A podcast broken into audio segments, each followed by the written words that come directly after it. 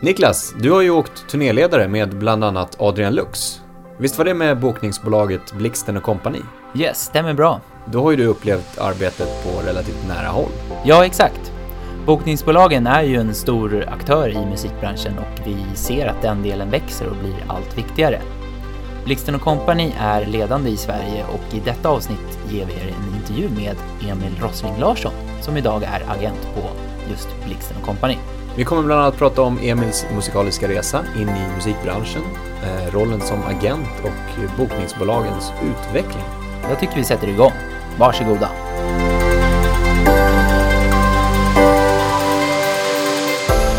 Välkommen Emil. Tack så mycket. Hur är läget? Det är bra. Hur har arbetsdagen börjat? Idag har det varit en speciell dag. Jag har inte gjort så mycket mer än mail hemifrån. Precis. Har du lämnat barnen? Japp. Mm. Cykelpendlar du in också eller? Inte i morse. Nej, okej. Men det händer. En Ja. till två gånger i veckan. Ja. Köpte du en ny cykel? Nej, vi ska ta det där sen. Jag Ja. behöver tips Ja. för nästa år. Ja men bra. Jag och Andreas har, har koll. det är bra.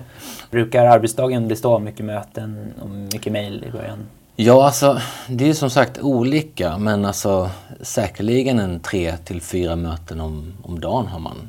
Ibland, som igår, hade jag bara ett möte, vilket är väldigt skönt när man ska liksom ja, kötta igenom mailkorgen. Eh, så det är väldigt mycket mail, konversationer med liksom alla de man jobbar med. Sen är det en hel del samtal. Mm. Det är det ju. Är det med artisterna du pratar med då? D- Ja, delvis såklart. De är ju den viktigaste delen i mitt jobb. Eh, men det är mycket, jag pratar mycket med arrangörer såklart. Och det är alla som är med i teamet kring artisten också. Liksom. Skivbolag, förlagen eller management. Så att, eh, och alla dagar ser väldigt olika ut. Vilket är väldigt alltså, inspirerande och kul. Kanon. Eh, fokus på dig som person mer. Mm. Man kan väl säga att jag har ju följt eh, dig ganska länge nu. Både i arbete med dina artister Mm.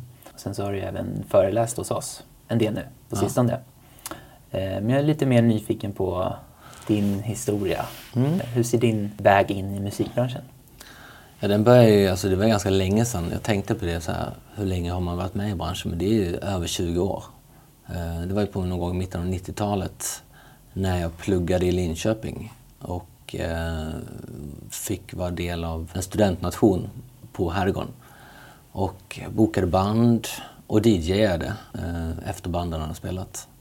Så att det gjorde jag mer eller mindre i jag menar, sex till åtta år tror jag det var. Varje vecka. Eh, så bokade vi svenska, internationella band. Lärde mig att DJa. Eh, kände att jag hade en talang för det ganska tidigt. Att, om man ska säga så, inte så bra på att mixa kanske i början, men mer att se, okej vad gillar folk på dansgolvet? Vad vill jag spela?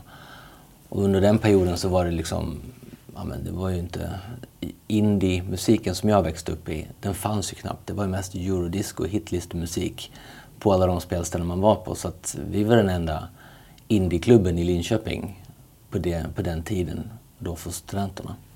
Och då, som sagt, lärde jag känna bokningsbolagen under den här perioden. Liksom. Och då var det liksom Emma Telstar, Motor, Luger framför allt och, och lite United Stage som vi bokade artister av. Då var det en helt annan budget än vad det är idag för liksom att boka ut artister. Det var ganska intressant att se utvecklingen där. Hur många artister hade ni på det stället då? Ja, men vi hade liksom en artist i veckan kanske som vi ansvarade för. Ibland var det liksom, gjorde man ju kvällar, kanske det var förband och ja, men opener, så två, tre artister. Men jag, väl, jag vet inte hur många gig det var, men det var några hundra spelningar som jag ansvarade för att boka, och ta hand om, möta upp när de kom och eh, ja, genomföra gigget. Och lärde sig liksom, hur tar man hand om en artist? Hur blir det en bra kväll? Hur tar man hand om de som kommer dit, besökarna? Så vi var ganska, försökte vara kreativa på stället och, och så spelade vi väldigt bra musik som för det året eller de åren eller dagarna när vi arrangerade. Hade du startat ett företag då? Nej, det var, eh, det var via liksom studentföreningen Herrgården. Så vi var liksom bara konsulter och fick någon sorts av utbetald lön för att man gjorde det jobbet. Så det var ju verkligen ja, jag tjänade inga pengar på de sex åren utan det var bara för att jag var så himla intresserad av musik och brann för det. Och det var då liksom man köpte CD-skivor den perioden. Så att jag, ja, när jag började DJa kanske jag hade 60 CD-skivor med mig. det är ju ganska lite. Och sen till att det växte lavinartat för varje vecka. Liksom. Köpte jättemycket CD-skivor under 90-talet och början av 2000-talet.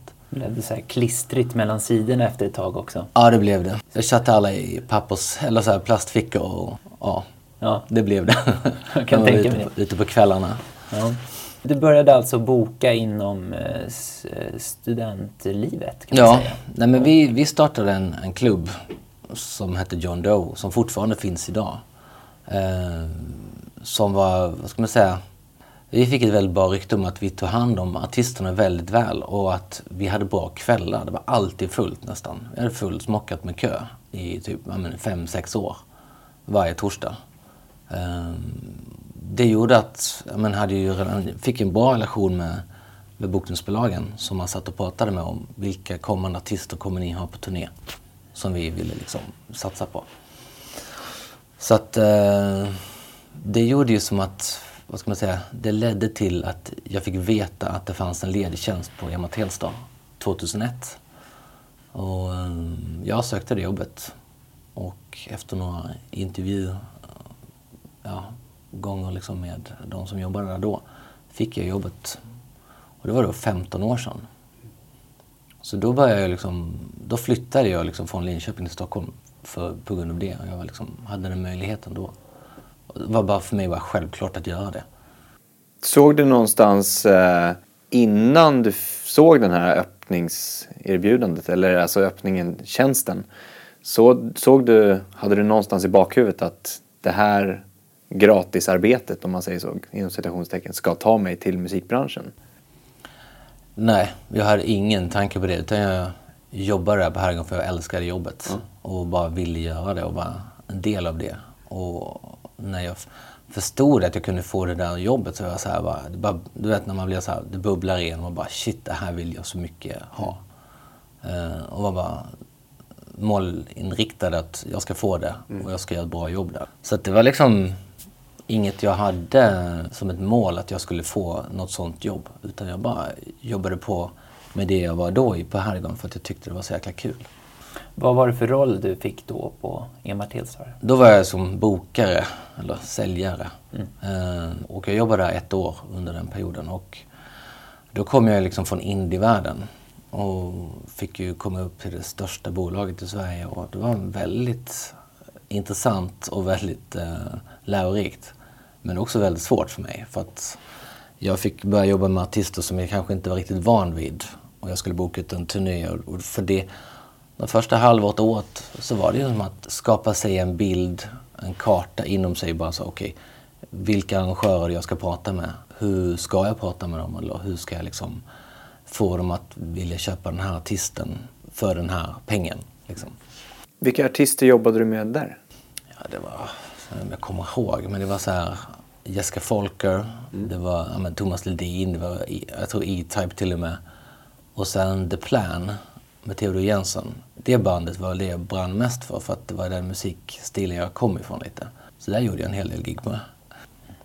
Så ett år var det på Em- Ema. Mm. Sedan så var det väg. Nej men alltså, det var så att jag, jag hade väl andra tankar om att jag skulle vilja ja, men, signa artister eller bli, komma närmare artisterna. Jag hade liksom lärt känna ganska mycket artister från Linköpingstiden. Och hade framförallt ett band som jag ville att EMA skulle signa, som hette The Sounds. Men det var liksom inte min roll riktigt där. Så, att, och, och så kände jag väl så att, ja, men, jag kanske ska, och, och i samband med detta så hade jag liksom börjat prata ganska mycket med en, en, en branschkollega idag som heter Kalle Lungen. Som då var på Monstera. Så att vi, ehm, ja, jag, jag bestämde mig för att börja jobba med honom på Monstera och då frågade jag The Sound om jag skulle börja jobba med dem. Och det ville de jättegärna, för det var liksom ett halvår innan de hade slagit. De hade ju inte släppt någonting. De hade släppt en låt tror jag, liksom, eller Fire tror jag den hette. Och eh, ja, förstod nog inte riktigt vad, vad gör man när man är agent. Och så för mig var det mer så ja, men jag bokar deras gig. Och det var ganska, inte helt lätt för dem i början.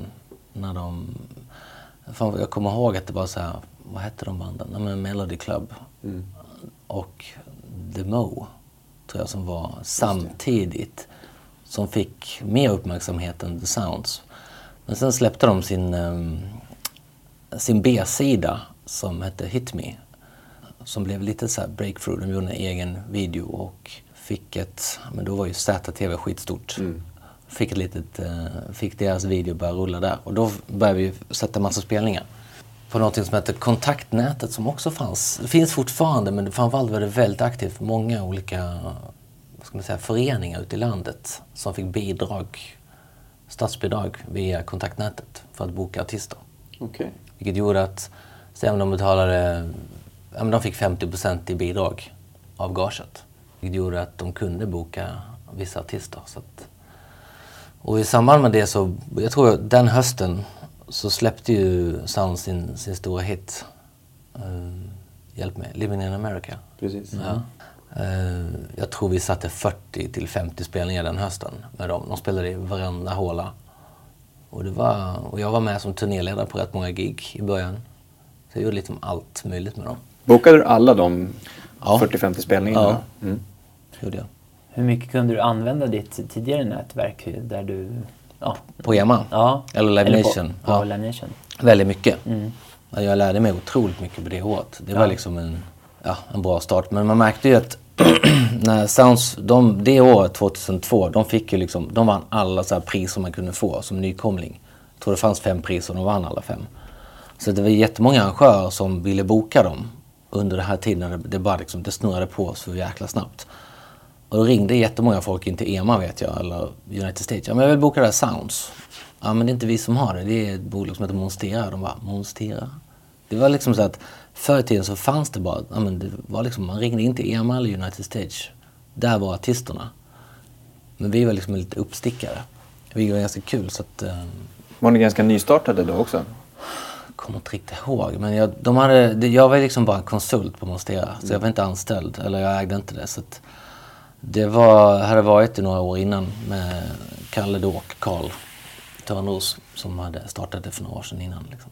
Så eh, nu pratar vi alltså 2002. Två. Alltså Ja. det, det är bara 14 år från. Vad har hänt mer under de här åren? Ja, men sen alltså... Ja, jag startade, efter ett år på Monstera så startade jag ett eget bolag för jag ville göra allting själv och ha kontroll på alla bitar.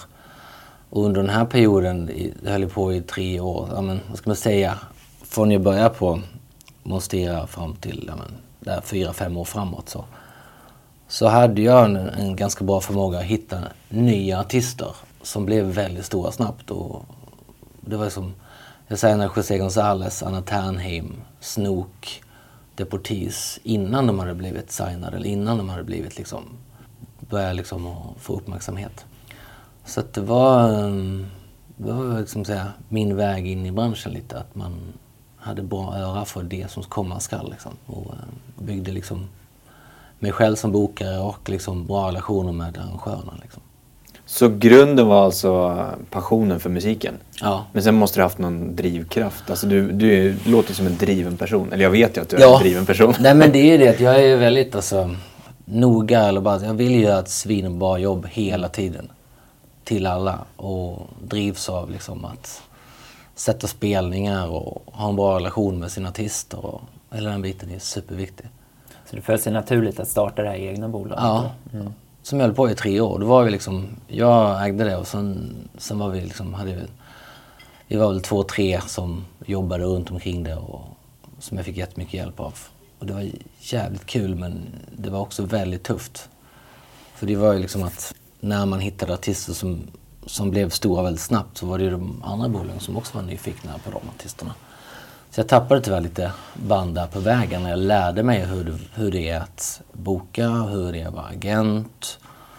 Eh, och då eh, hade jag, jag tror det var 2006, dialog med uh, Live Nation igen och då ville de att jag skulle komma tillbaka. Före detta EMA? Ja, samma bolag som jag var på 2000. Ja, då var jag, jag var borta där fem år. Så de, jag fick möjligheten att komma tillbaka dit och hade liksom ska man säga, stärkt min position på att jag hade gjort massa saker själv och visat att jag är duktig på att boka spelningar och ta hand om artister. Och mitt mål var ju att jag ville bli ännu bättre och att jag vill inte tappa artister som jag hade gjort innan som har blivit stora. Man behövde ett större nätverk, mer muskler, mer kunskap. Liksom. Det fick jag när jag gick till Lemonation då. Så där var du, i Live Nation var i eh, hur många år då? Fem år var jag. Vilka artister jobbade du med då? Oj, ja. Rebecca Fiona, eh, Naus, eh, Adrian Lux. Det var där vi träffades. Precis. Ja, via det. Och sen eh, jag liksom väldigt, jag har alltid varit bred i min musiksmak.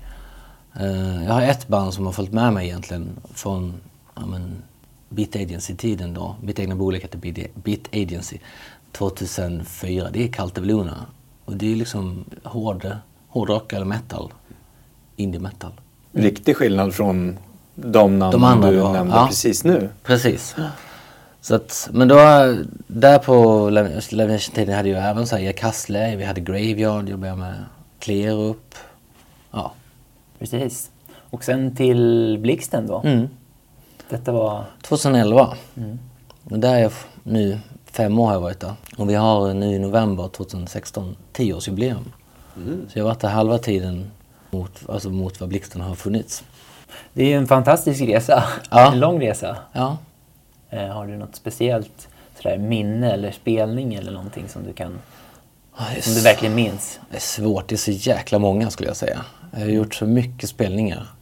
Vissa år när jag jobbade på Live Nation så gjorde jag nästan 500 gig per år. Eh, det är ju mer än en och en halv, ett, ett halvt gig om, om dagen. Liksom. Jag gjorde ju mycket under den perioden. Liksom. Jag gjorde en lo-fi funk USA-turné. Liksom. Och gjorde dem i Australien, gjorde dem i Sydamerika. Väldigt cool spelning. Det var när Sound spelade förband till Foo Fighters på Spektrum. När man fick vara med. Jag var med som turnéledare. Wow. Och eh, träffade dem och ja, men, fick spela inför liksom, ett fullsatt spektrum. Fick de göra, liksom. Och det var kul att stå sidan om och vara, vara en del av det. Mm, och sen liksom massa häftiga spelningar med Snook när de slog igenom. Måste jag säga. Och även med Daniel Adams Ray när jag jobbade med honom på, på Live Nation också. Just det, det blev sån jäkla hype kring Ja. Snook där, kommer jag ihåg. Verkligen. Men sen också en, en, alltså en häftig spelning som han själv fick vara med och arrangera. Det var Jonathan Johansson nu på Cirkus. Var det i våras? Jag tror det var det. Ett utsålt Cirkus. Typ 1700-1800 biljetter. Det är rätt häftigt att gå från han, när jag jobbade med honom som debutant till att göra det liksom. Så att, ja. Det finns hur många, jag kan lista hur många som helst känner jag. Har du någon gång gjort någon slags överslagsräkning på alla de här åren? Hur många spelningar du har gjort? Nej. Nej. Vågar du göra det? 10 000 kanske? I don't know. Ja. men något sånt. Det är mycket spelningar. Så att jag kanske inte gör lika många spelningar idag, men det är så här att jag har på Live Nation-perioden de sista så här, fem åren, då jobbar jag kanske med 30-35 artister samtidigt. Vilket är så här, då hade jag inte barn, jag hade inte flickvän, jag kunde jobba hela dygnet liksom. Det är helt galet mycket. Man blir också kanske inte så glad människa när man bara jobbar hela tiden. Man behöver en balans i livet att liksom göra annat också. Eller rätt sagt, inte bara sitta framför, framför en dator och mejla 24-7. Eh, Hur pass viktigt har den här resan varit för dig där du är idag? Rent erfarenhetsmässigt, eh, kunskapsmässigt. Nej, men det är ju otroligt viktigt att, att vara med om och gjort många olika saker. Jag är väldigt nischad eftersom jag jobbar mycket med live. Ibland kan jag tycka att fan, jag skulle kanske jobba med andra saker också. Liksom. Jag har inte varit på en skivbolag, inte varit på förlag till exempel. Men eh, och jag brukar tänka så att vem, vem som helst kan egentligen boka en, en hypad, eh, en stor artist. Det är bara att ringa och så bokar man in dem. Men det är så här, timingen, det är det som är det viktigaste. När du ska boka det, var du ska boka det med och vem du ska göra det med. Det är det som du lär dig med din erfarenhet. Liksom. Så det är det, liksom, trial and error, man, man går igenom. Liksom. För att du gör ju fel då och då. Och så tänker man på det, så okej, du gör ju rätt nästa gång. Om vi tittar mer praktiskt på din roll idag, din agentroll på Blixten. Hur ser den ut? Alltså agentrollen, vad ska man säga, det är ju dels är det som att hitta talanger, hitta nya artister. Eh, uh, vi har artistutveckling med fokus på live, är egentligen min arbetsbeskrivning. Uh, som agent så är det otroligt viktigt med relationer med, med alla i teamet, där artisten är i mitten. Uh, det är jätteviktigt att man, man vet att man är på väg på samma håll. Kan jag säga. Och då, då har jag oftast, jag själv brukar ha som sån lite en treårsplan eller femårsplan, ett litet mål. Vad vill jag åstadkomma med den här artisten utifrån de möten vi brukar ha och diskutera. Liksom, okay, vilka gig ska vi göra det här året, året? Vilka releaser har vi? Hur mycket liksom, vill man spela? Och är det liksom, ja, alla spelningar som kommer in eller ska man göra vi vill göra tre jävligt grymma spelningar. Det handlar alltså om vem du pratar med eller vem du jobbar med. Hur många av de här mötena är en manager med? Det beror ju på. Alltså, kanske hälften av de jag jobbar med har management, management och då är de med jämt, skulle jag säga. Det är väldigt ofta. Men sen hade jag, jag hade en artist här, här veckan som, som ville ha lite så här, ja men, jag kallar det för A&R tips eller bara som kom till mig och sa att men du har väl, alltså, ja, när vi pratar om låtar och när vi haft möten så kommer du med bra åsikter. Oftast de låtarna som du säger Emil, de väljer vi. Så, att, så då diskuterade vi, då hade jag ett möte själv med den artisten, spelade upp massa nya låtar och bara vi diskuterade utifrån det sättet. Uh, vilket är så här, det beror ju på vad, vad vill artisten, vad har den för relation med mig? Vad vill den ha hjälp med liksom? Precis, så ju större relationen är desto mer kanske ni petar i det kreativa också ja, kanske? det kan ju vara, det kan vara så. Mm. För jag, jag, tycker att alltså, relationsmässigt är det jävligt viktigt att man, man synkar såklart. Uh, för då, jag funkar så att då gör jag mycket bättre jobb. Uh, för mig är det viktigt. Det är olika, alla är olika. När det kommer till produktioner och uh, live, hur, hur, hur, hur mycket tid tar det att jobba med det? Produktioner som? Ljus och ljud och... Okej, okay, ja. Alltså teamet hos oss på Blixten är oftast att jag som agent, sen så har jag liksom en projektledare eh, som då där vi tillsammans gör, man gör en budget, man, man diskuterar hur många spelningar ska man göra. Man tar en dialog med artisten om vad för typ av turné ska vi göra. Ska vi ha ja, vi tror att vi har ett gage så här mycket, jag tror vi har så här många spelningar och så vilken ambitionsnivå ska vi ha? Ska vi göra Kent Scandinavium, ja men då, då, då har man rätt många folk med sig till exempel. Eh, ska man göra en lite mer mindre klubbturné, då kanske man bara har en, en ljudtekniker, en, en backline-tekniker, kanske en ljustekniker om man ska ha det. Liksom. Och då har man dialog med, med artisten utifrån vad är viktigt Ibland är det svinviktigt att göra det visuellt jättebra. Då får det kosta lite mer. Men då vet också artisten, den är delaktig. Man har, alltså, har transparens i alla liksom, budgetar och diskussioner med en artist. Liksom. Men då är din roll mer att um, hålla ihop helheten och sen jobbar du nära projektledaren i det här fallet kanske? Ja, det är jag som har huvudansvaret men sen alltså, projektledaren är den som projektdriver och mm. håller ihop tillsammans med mig. Det är, det är verkligen en jätteviktig samarbete.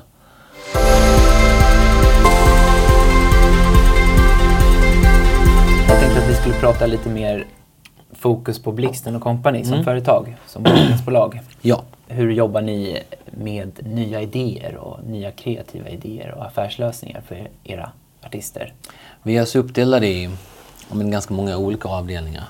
Det är som det är projektledare, det är ekonomi, det är liksom marknadsföring och det är agent och bokare och biljett. Och sen så har man liksom kan man säga ett nytt ben som vi, eller det har vi hållit på med länge men framförallt blivit satsat rätt mycket på de senaste åren. Det är partnerskap, det vill säga de här tredjepartssamarbeten. Eh, där vi har två stycken Niklas och Henrik på kontoret som är hur grymma som helst på att få in samarbete med varumärken, antingen för en artist eller för hela Blixten. Eller så här, om de har en kampanj, och då kopplar man tillsammans ett evenemang. Liksom. Ja. Det jobbar med SAS till exempel har jag sett, ja. eller hur? Ja, där gjorde vi. där är liksom, vi ansvariga för deras musikstrategi. Allt från liksom Spotify-listor till deras sociala medier.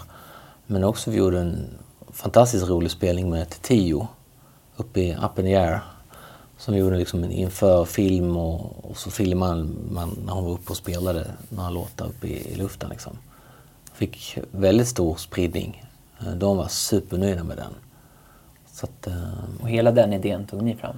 Ja, det var tillsammans med dem gjorde vi det. Så att, eh, och Titi var med tidigt också innan. Hon tyckte det var skitkul. Så att hon gjorde det jättebra. Jag har sett den, eh, den videon, den är riktigt ball. Kan du avslöja vart resan gick någonstans? Ja, men det, var, ja det kan jag. Det var mellan Stockholm och eh, London. Okej. Och det var liksom en så här, torsdag eftermiddagsflygning när rätt många folk åker över över en weekend. Liksom. Men det var inget förannonserat? Eh, det var alltså, man måste, det är så otroligt mycket regler och för det ska vara speciellt med, flygplan. Så jag tror, eller det var så att innan alla gick på planen så visste alla att det skulle hända, att det skulle bli en liveinspelning så att, och att vi skulle filma det. Obehagliga överraskningar vill ingen ha. Nej, inte mitt uppe, 10 000 meter upp i luften. Nej. Så att eh, det var jag väldigt noga med liksom. Så att, men det var ingen som visste om det när de köpte biljetten eller så. Häftig grej. Ja, vi har ju även samarbete med, med Åbo. Där har de en liksom satt ihop en, en, en unplugged session som vi gjort några gånger också. Eh, första gången var på West Music-festivalen i Norrköping. Eh, där de liksom bjöd in liksom artister och som fick ta med sig sina vänner. Och så var det på Arbis, ett bra spelställe i Norrköping, där de hade, ja, på deras loft. Och det var liksom väldigt, eh, ja, men väldigt uppskattat. Och sen eh, nu för typ bara några veckor sedan så gjorde Miss Li en eh, unplugged session i Falsterbo på ja, ett venue som heter Badhyttan som är som ett Åbo ja, men, flaggskepp av ställen kan man väl säga. Så de ville göra någonting kul där. Så gjorde de en väldigt uppskattad spelning. Uh, unplugged, ja, men typ en halvtimme. Snyggt, så ni märker att eh, företag, eh, att det finns en möjlighet att jobba mer med företag, att företag vill ha det här. Alltså företag, alltså varumärken är ju alltid intresserade av att vara nära artister. Och, ja, nu är inte jag kanske rätt person att prata om det, men alltså alla, alla varumärken eller eh, företag har blivit, ska jag säga, smartare och vet och gör det på ett mycket snyggare sätt idag. Man vet att det inte funkar bara att sammankoppla en artist och ett varumärke och, och inte göra någonting kring det eller bara vara det in your face. Utan man måste vara lite, ja, göra det snyggt och smart. Och det tycker jag att det är, är de mycket bättre på. Och att vi är med som ett filter och hjälper dem på vägen. Liksom. Men det är så här att vi har ju, om man nu börjar gå över till vad, vad Blixten gör annorlunda. Eh, vi har ju något som heter Arena Run. Just det. En, ett lopp som vi gör på Tele2 Arena som vi byggde från scratch. Eh, Ett, vad ska man säga, ett vanligt eh, löplopp med massa hinder på en arena. Eh, Jag vet inte om ni har sett? Jo, jag Ja. har sett det. Nära på att anmäla mig faktiskt. Ja, jag tänkte jag ska nog vara med i år igen. Nu gör vi år nummer två i februari. Och det är, det är Petter, en av våra artister, som är initiativtagare till att göra det här loppet. Liksom. Och det, där har vi liksom använt nu, ja, men så här, massa varumärken som vill, vara, som vill vara med i det här sammanhanget också. För att så gör man två saker igen. Liksom. Men det, om jag har förstått det rätt så är det ju inte bara en tävling. Utan det är livespelningar också va? Nej, det är en tävling. Det är bara en tävling? Okej. Men artisterna löper. Ja, det, alltså, jag vet inte om det är artistrelaterat. Utan det är bara att vi gör något helt annat utifrån live.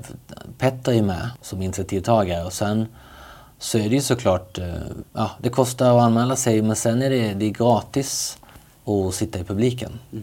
Så, nu vet jag inte om jag har rätt siffra i huvudet men det var typ 5-10 000 personer som satt på läktaren förra året. Och har märkt att nu, nu har vi ett case år två att visa så här var det, så här gick det till och att det var ett lyckat arrangemang år ett. Det har gjort att anmälningsantalet har ökat extremt mycket. Man märker att det finns ett intresse av att folk, shit det här har jag sett om, det här är intressant, det här vill jag göra. Liksom. Och så, vi hoppas på att det kommer bli det dubbla av människorna i publiken också. Men det med live, det är klart att jag vet att vi har pratat om det men jag tror inte att det blev av. Men eh, det är kanske år tre. en kombination av allt. Men ni är väl ett bolag som producerar mycket? Ja. Inte bara live Ja. musik musikkonserter utan Men- även show och, och idrottsevenemang. Vi har ju liksom två ben kan man säga. Dels har vi agenturdelen där vi är agent för en, ja, men 80-tal artister. Där jag jobbar mest. Sen har vi då de egenproducerade spelningarna. Eh, Det kan ju alltid vara från en Lena på, på Cirkus nu. Under hela hösten var det det. Och vi har, men vi, och det är det som jag tror att vi gör lite annorlunda. Att vi inte bara är musik.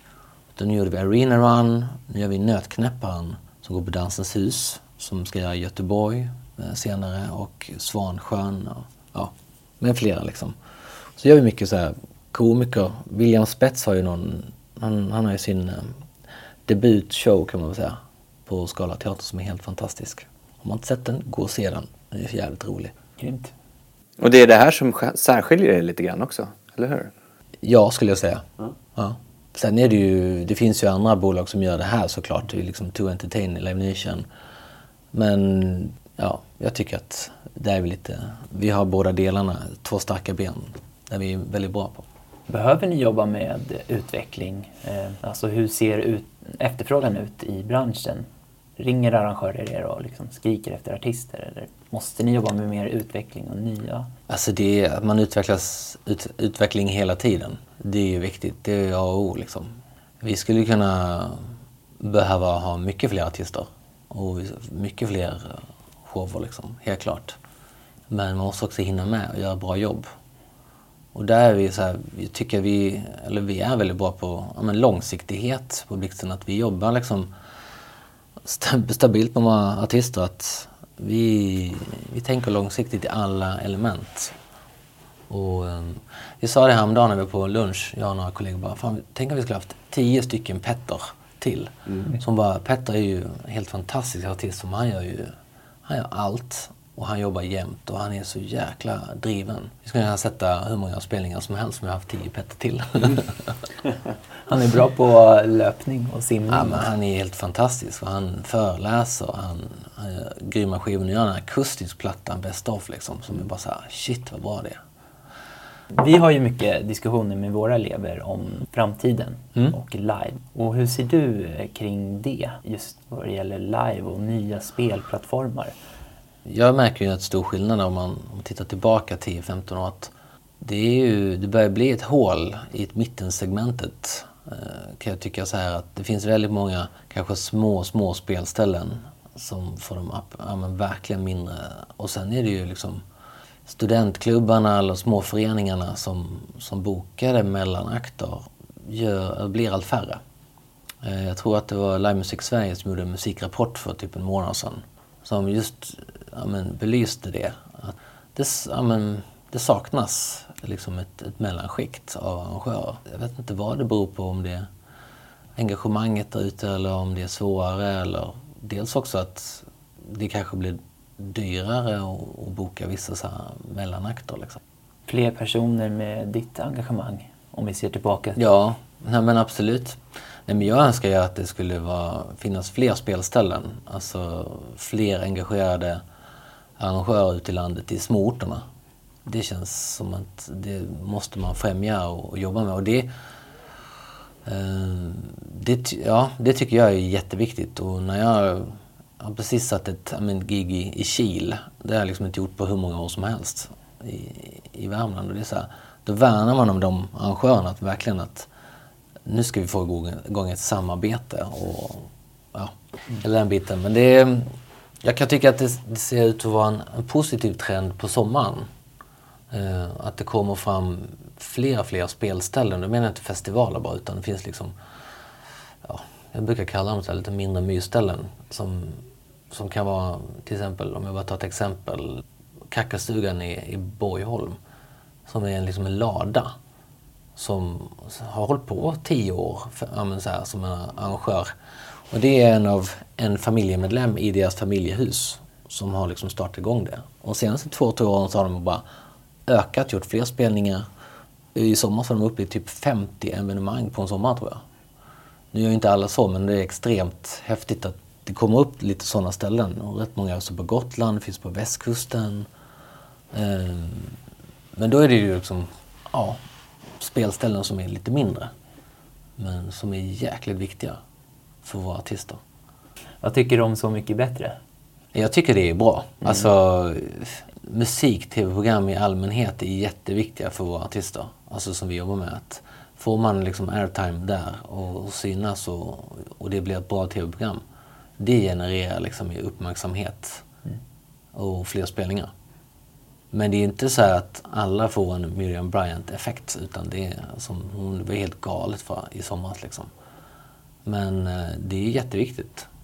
Eh, tycker du själv om Så mycket bättre? Ja, men jag tycker det är bra. Ja. Och jag tror att utvecklingen kommer leda till mer sånt. Ja. Typ att man blandar live-spelningar i andra plattformar. Liksom, Ja. På Youtube eller...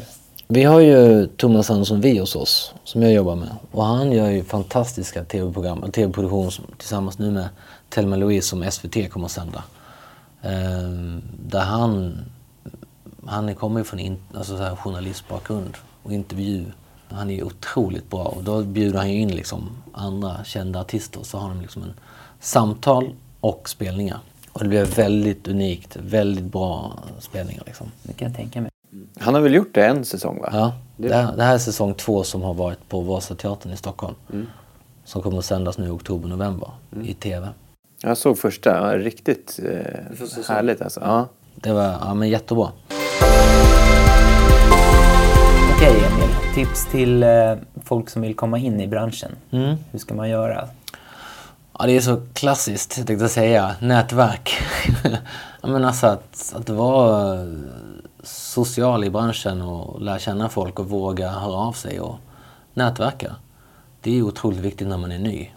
Eh, Jag kan nästan säga våga ta initiativ är otroligt viktigt. Jag, jag har ju liksom föreläser för en del i er utbildning och även i Nyköping och Hultsfred för att jag tycker det är så sjukt viktigt att bara ja, dels för mig, nyfikenhet, vem som kommer in i branschen. Men också liksom så här, visa en, en sida av livebranschen vill jag.